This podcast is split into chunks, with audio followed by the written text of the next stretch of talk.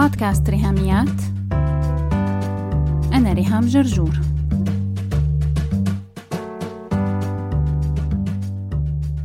مرحبا. الشهر الماضي بحلقات بودكاست ريهاميات تناولنا موضوع burnout الاحتراق. وقلنا أن بداية المصطلح وظهور كلمة burnout على الساحة كان بسنة 1975 لما تبلور تعريف الاحتراق أنه له ثلاث أعراض. أول واحد هو emotional exhaustion. فينا نترجمه الإنهاك العاطفي أو الإجهاد الشعوري. هذا بيعني أمرين. واحد إنه نحن عنا شيء اسمه emotions. اثنين إنه هالإيموشنز هدول تتعرض لمشاكل. هلا أول شيء بدنا نتفق على ترجمة لكلمة emotions. هي لها كذا معنى بتعني مشاعر أو عواطف أو وجدان أو أحاسيس. ومؤخرا صارت بتعني دوائر صفراء بموبايلاتنا ال smiley face وأخواتها. هدول هلا صار اسمهم emotions أو emojis لكن لدواعي الاختصار والتركيز خلونا نتفق إنه emotions يعني مشاعر. وهالمشاعر اللي طيف واسع من الأنواع ما بين extreme ين مشاعر إيجابية مثل الفرح والحب والتفاؤل وهيك على طول الخط وصولا لل extreme الثاني مشاعر سلبية مثل الخوف والقلق والغضب والحزن إلى آخره. طيب تعالوا نفكر فعليا شو هي ال emotions هل إلها تركيبة؟ ولا هي شيء هلامي أو افتراضي؟ وتعالوا نفكر هال emotions وين موجودة بجسمنا؟ أين تسكن؟ عنوان بيتها زي ما كان بس أنت نسيتي العنوان أو تلخبطتي بالعنوان وكلنا منتلخبط لما منقول إن المشاعر مركزها القلب. يعني التفكير بيصير بالعقل ولكن الشعور هداك بقى بيصير بالقلب. رومانسية هالصورة لزوزة يعني خاصة لما نحكي عن ضرورة التوازن ما بين العقل والقلب. لكن بالحقيقة المشاعر لا تسكن القلب وإنما المخ. ليش المشاعر مركزها المخ؟ لأنه تركيبتها هيك. القلب فيه دم. يعني لو كانت المشاعر مركزها القلب فهي لازم تكون كريات دم حمراء مثلا حتى تكون عايشة بالقلب. لكن المشاعر مركزها الدماغ. يعني علميا emotions at their most basic level involve the release of neurochemicals in the brain in response to some stimulus. شو بيعني هالحكي؟ المشاعر هي عبارة عن إفرازات كيماوية تحدث داخل الدماغ البشري كردة فعل لمحفزات خارجية أو داخلية في جسمي وجسمك وجسم كل كائن بشري. هناك حدث أو محفز ممكن يكون موقف ممكن يكون فكرة. وهالمحفز هاد سبب إفرازات لنواقل عصبية جوات دماغ ياسمين. رح تساعدنا ياسمين مشكورة إننا نفهم المشاعر. لأنه ياسمين كانت في ميتينج بالشغل ودخل الشاب يلي كان مرة حكى معها إنه معجب فيها وحابب يتعرف عليها أكثر ويقابل أهلها. لما دخل كريم على القاعة وشافته ياسمين كان هالشي هو التريجر لمشاعر الإعجاب يلي عند ياسمين ناحية كريم. وقلنا أن المشاعر هي كيمياء بالمخ يعني دماغ ياسمين قام بإفراز نواقل عصبية حملها إلى باقي جسم ياسمين مما أدى إلى تغيرات جسمانية. شعرت ياسمين بتسرع في دقات القلب وتغير في التنفس حست بأشياء غريبة في معدتها وأطلقت تنهيدة قصيرة.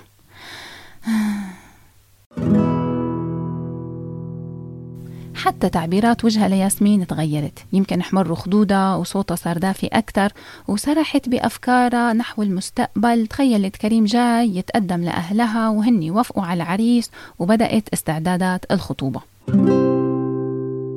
ياسمين حست بإلحاح إنه تقوم من على طاولة الاجتماعات وتمشي لطرف الغرفة على أساس بدها تجيب ورقة من البرينتر بس هي الحقيقة متشوقة تسلم على كريم. هذه هي المشاعر يا سادة يا كرام. قطعت عليكم المشهد في لحظة سسبنس بين ياسمين وكريم. هل ياسمين قامت؟ طيب عينها التقت بعينه وتشابكت نظراتهم؟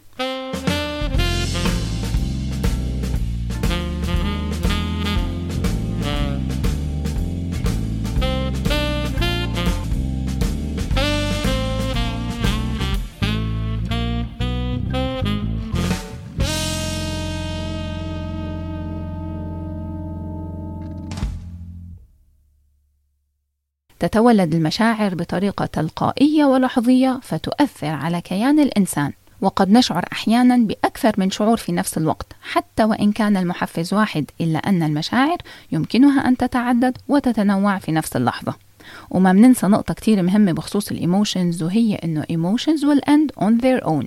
يعني لو متشوقة تعرفي شو صار مع ياسمين فهي سمعت المدير عم يندهلها وهو قاعد تقريبا كرسيتين بعيد عنها أيوة أيوة يا فندم حاضر. اتفضل حضرتك التقرير أهو. انتباه ياسمين توجه لشي تاني وانتهت المشاعر يلي حكينا عنها. لكن هالمشاعر رح يرجعوا لياسمين. لما تشوف كريم مرة تانية أو لما تفكر فيه أو لما تحكي عنه لأما المسويات بعد الشغل. فخلونا نتابع ياسمين بآخر يومها بالعمل. هي وراجعة من الشغل حطت تذكرة المترو بالمكنة لتطلع من المحطة. لقيت وحدة ست اتحشرت وراها قال تعدي معها بدون ما تدفع تذكرة. نفس الشي صار بدماغ ياسمين لكن كون المحفز مختلف هالمرة فالمشاعر مختلفة. مشاعر الوجع لما رجلها خبطت بالحديدة اللي عم تلف مشاعر الغضب من الست اللي وراها وبعدين مشاعر القرف من ريحة الزبالة يلي على الرصيف لما طلعت من محطة المترو. المحفز السلبي سبب إفراز نواقل عصبية بالدماغ وهذا التغيير بكيمياء المخ سبب تغيرات في الجسم تتناسب مع المحفز السلبي. ولما وصلت ياسمين على البيت لقيت أنه برضو هاي المشاعر والتغيرات خلصت وانتهت من تلقاء نفسها.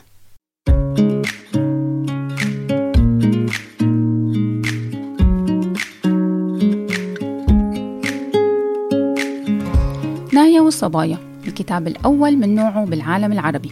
دليل المراهقات لفهم سن البلوغ والدورة الشهرية. هالموسوعة هي كتاب مصور 52 صفحة ملونة بالكامل مع هدية 64 sticker لتتبع الدورة الشهرية في planner 2022 أو أي notebook.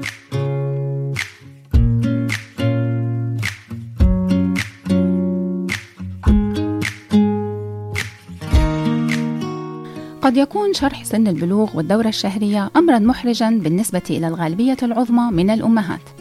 لذا فإن الهدف من كتاب نايا والصبايا هو أن يساعدك عزيزتي الأم في تهيئة ابنتك وإعدادها للتعلم عن فكرة الحيض. سيساعدك هذا الكتاب على الحديث مبكرا مع ابنتك عن الدورة الشهرية كما سيجيب على التساؤلات الأكثر شيوعا والتي تخطر في بال بناتنا الصبايا من خلال قصة الصداقة بين نايا وزينة وياسمين. إضافة إلى الدكتورة ليلى والدة نايا من خلال شرحها وأجوبتها المبسطة والواضحة.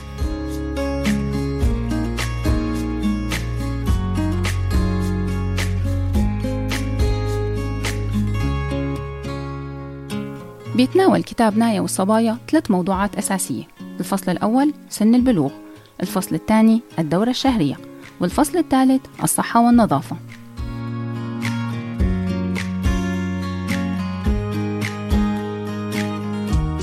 الكتاب متاح حاليا في مصر للشراء أونلاين من الرابط الموجود مع notes هالحلقة الشحن لكل المحافظات والدفع عند الاستلام. حملي تطبيق ريهاميات واستفيدي من الهدايا ومن الخصم.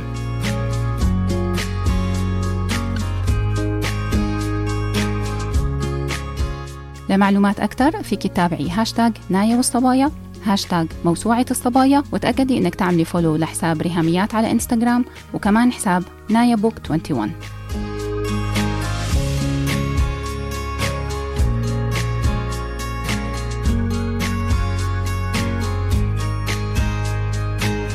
نايا والصبايا الجزء الأول من موسوعة الصبايا. لا تنسي تتفرجي على الفيديو المتاح على قناة ريهام جرجور على يوتيوب. بس هيك.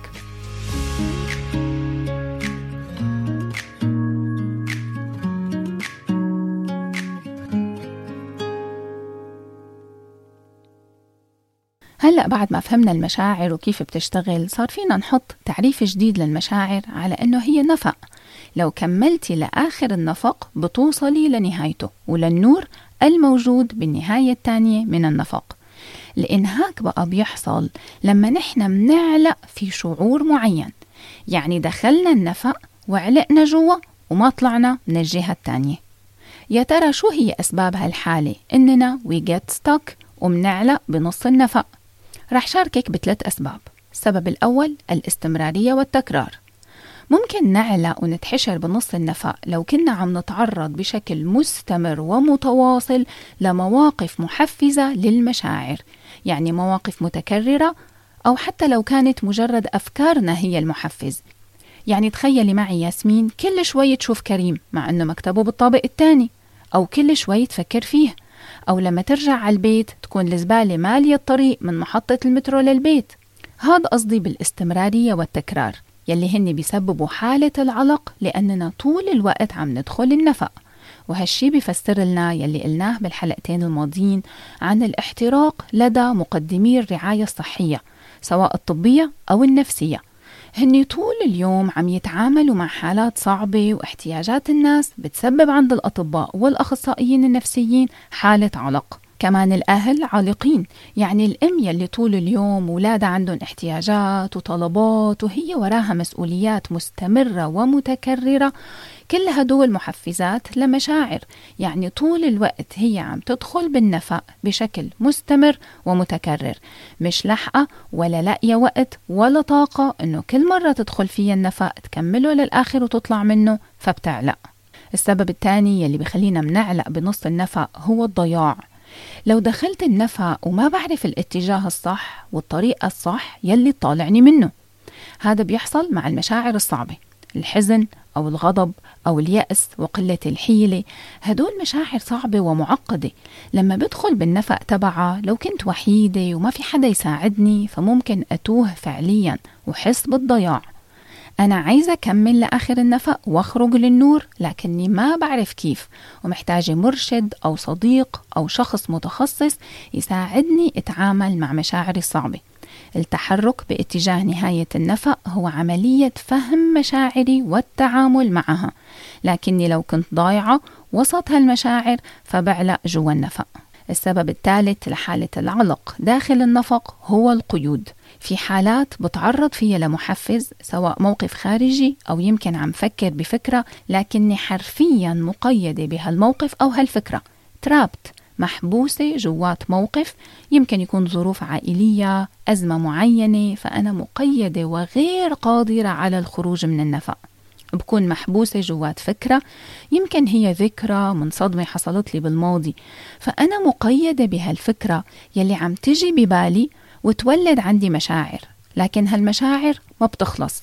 هي مأيدتني مثل الكلبشات وما فيني أتحرر منها حتى أقدر أمشي لآخر النفق. هذا بنشوفه نحن كأخصائيين نفسيين بحالات ال PTSD Post Traumatic Stress Disorder يلي هو كرب ما بعد الصدمة. حدث صادم انتهى وغير متكرر لكن ال trauma نفسها تركت عندي أفكار وذكريات صادمة ومؤلمة بتولد عندي مشاعر وبكون أنا مقيدة بهالمشاعر وما عم ينتهي النفق وأطلع للنور. هي هي الأسباب الثلاثة يلي ممكن تخليني أدخل بالنفق وأعلق جواته وهذا بيسبب عندي تعب نفسي بحياتي ومشاكل في صحتي النفسية والجسدية. الحالة الصحية الطبيعية للمشاعر أنه الشعور يبدأ مثل ما شفنا بحافز وتحصل التغيرات الكيماوية بالدماغ ونشوف الأعراض بالجسم. وبعدين الكيمياء بترجع لطبيعتها والشعور بينتهي. فمنكون دخلنا في نفق الشعور وكملناه للآخر وخرجنا من الناحية التانية. بس للأسف مو هاد يلي بصير في الغالبية العظمى من الأحيان. وإنما الحاصل إنه نحن عنا مشاعر مستمرة ومتكررة وعنا مشاعر صعبة ضايعين جواتها وعنا قيود بتوقف تحركنا ناحية آخر النفق.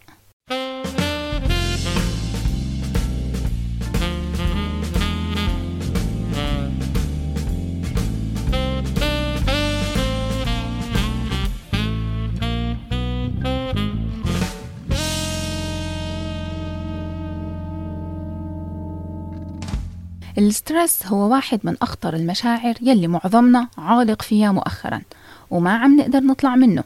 عم يسبب لنا مشاكل نفسية كتير وكمان مشاكل جسدية psychosomatic أمراض نفس جسمية.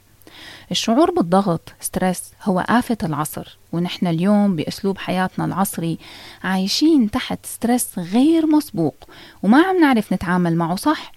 لهيك أنا اخترته هو بالتحديد. من ضمن مشاعر كتير تانية إن شاء الله يكون في فرص بالمستقبل إننا نحكي عنهم وعن كيفية التعامل معهم للوصول لآخر النفق. لكن مع بداية الصيف اخترت الضغط لنحكي عنه لأننا يمكن بهذا الفصل من السنة يكون عنا فرصة أكبر للتعامل مع الضغط. أكثر مثلا من فصول تانية مثل الشتاء يلي فيه طقس صعب برد مدارس جامعات امتحانات مقارنة بالصيف والأجازات والفسح والسفر. فخلونا نتعرف أكثر على الضغط وعلى حالة العلق والحشرة يلي نحن فيها. عسى ولعل يكون فصل الصيف فرصة للتعافي بعد ما نرفع الوعي عنا ونفهم نواحي جديدة متعلقة بشعور الستريس.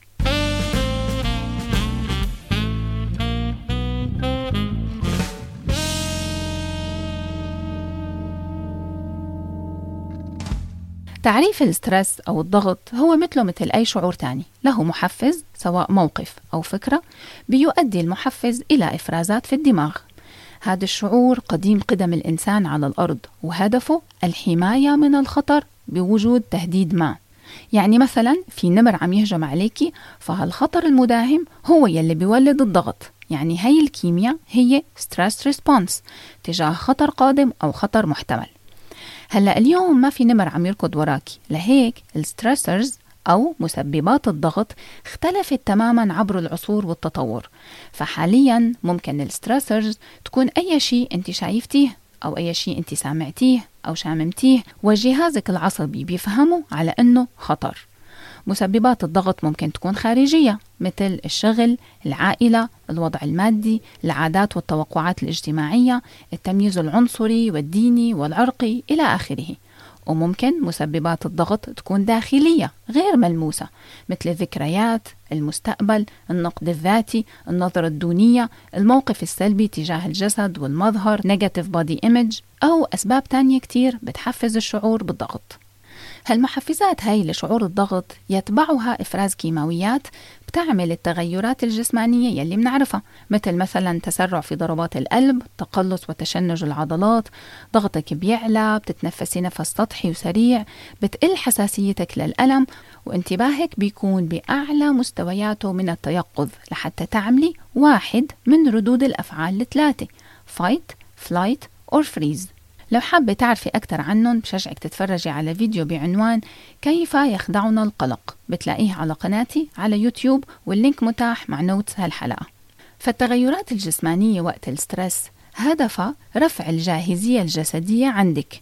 ومثل ما في أعضاء بتتحفز للحركة في أعضاء تانية بتتحبط أو بيقل نشاطها مثل الجهاز الهضمي والمناعي لحتى الجسم ما يصرف طاقة عليهم لأنه الطاقة كلها رايحة للتحفز كمان الجهاز التناسلي بيصيبه تباطؤ وتحبيط للنشاط ونفس الشيء ينطبق على عمليات ترميم الأنسجة بتتباطأ وممكن تتوقف كليا لأنه الجسم لازم يركز على الخطر المحتمل والتهديد القادم طيب هالحالة من التحفز والتصعيد كيف بتنتهي؟ آخرتها إيه يعني؟ هذا اللي رح نتعرف عليه أكثر بالحلقة الجاي لما رح نحكي عن دائرة الضغط النفسي The Stress Response Cycle. لهيك لا تنسي موعدنا يوم الجمعة 24 حزيران يونيو 2022 بحلقة مهمة كتير وفيها كمان إعلانات تخص الصيف وفيها بنختم سوا الموسم السادس من بودكاست ريهاميات. بس هيك.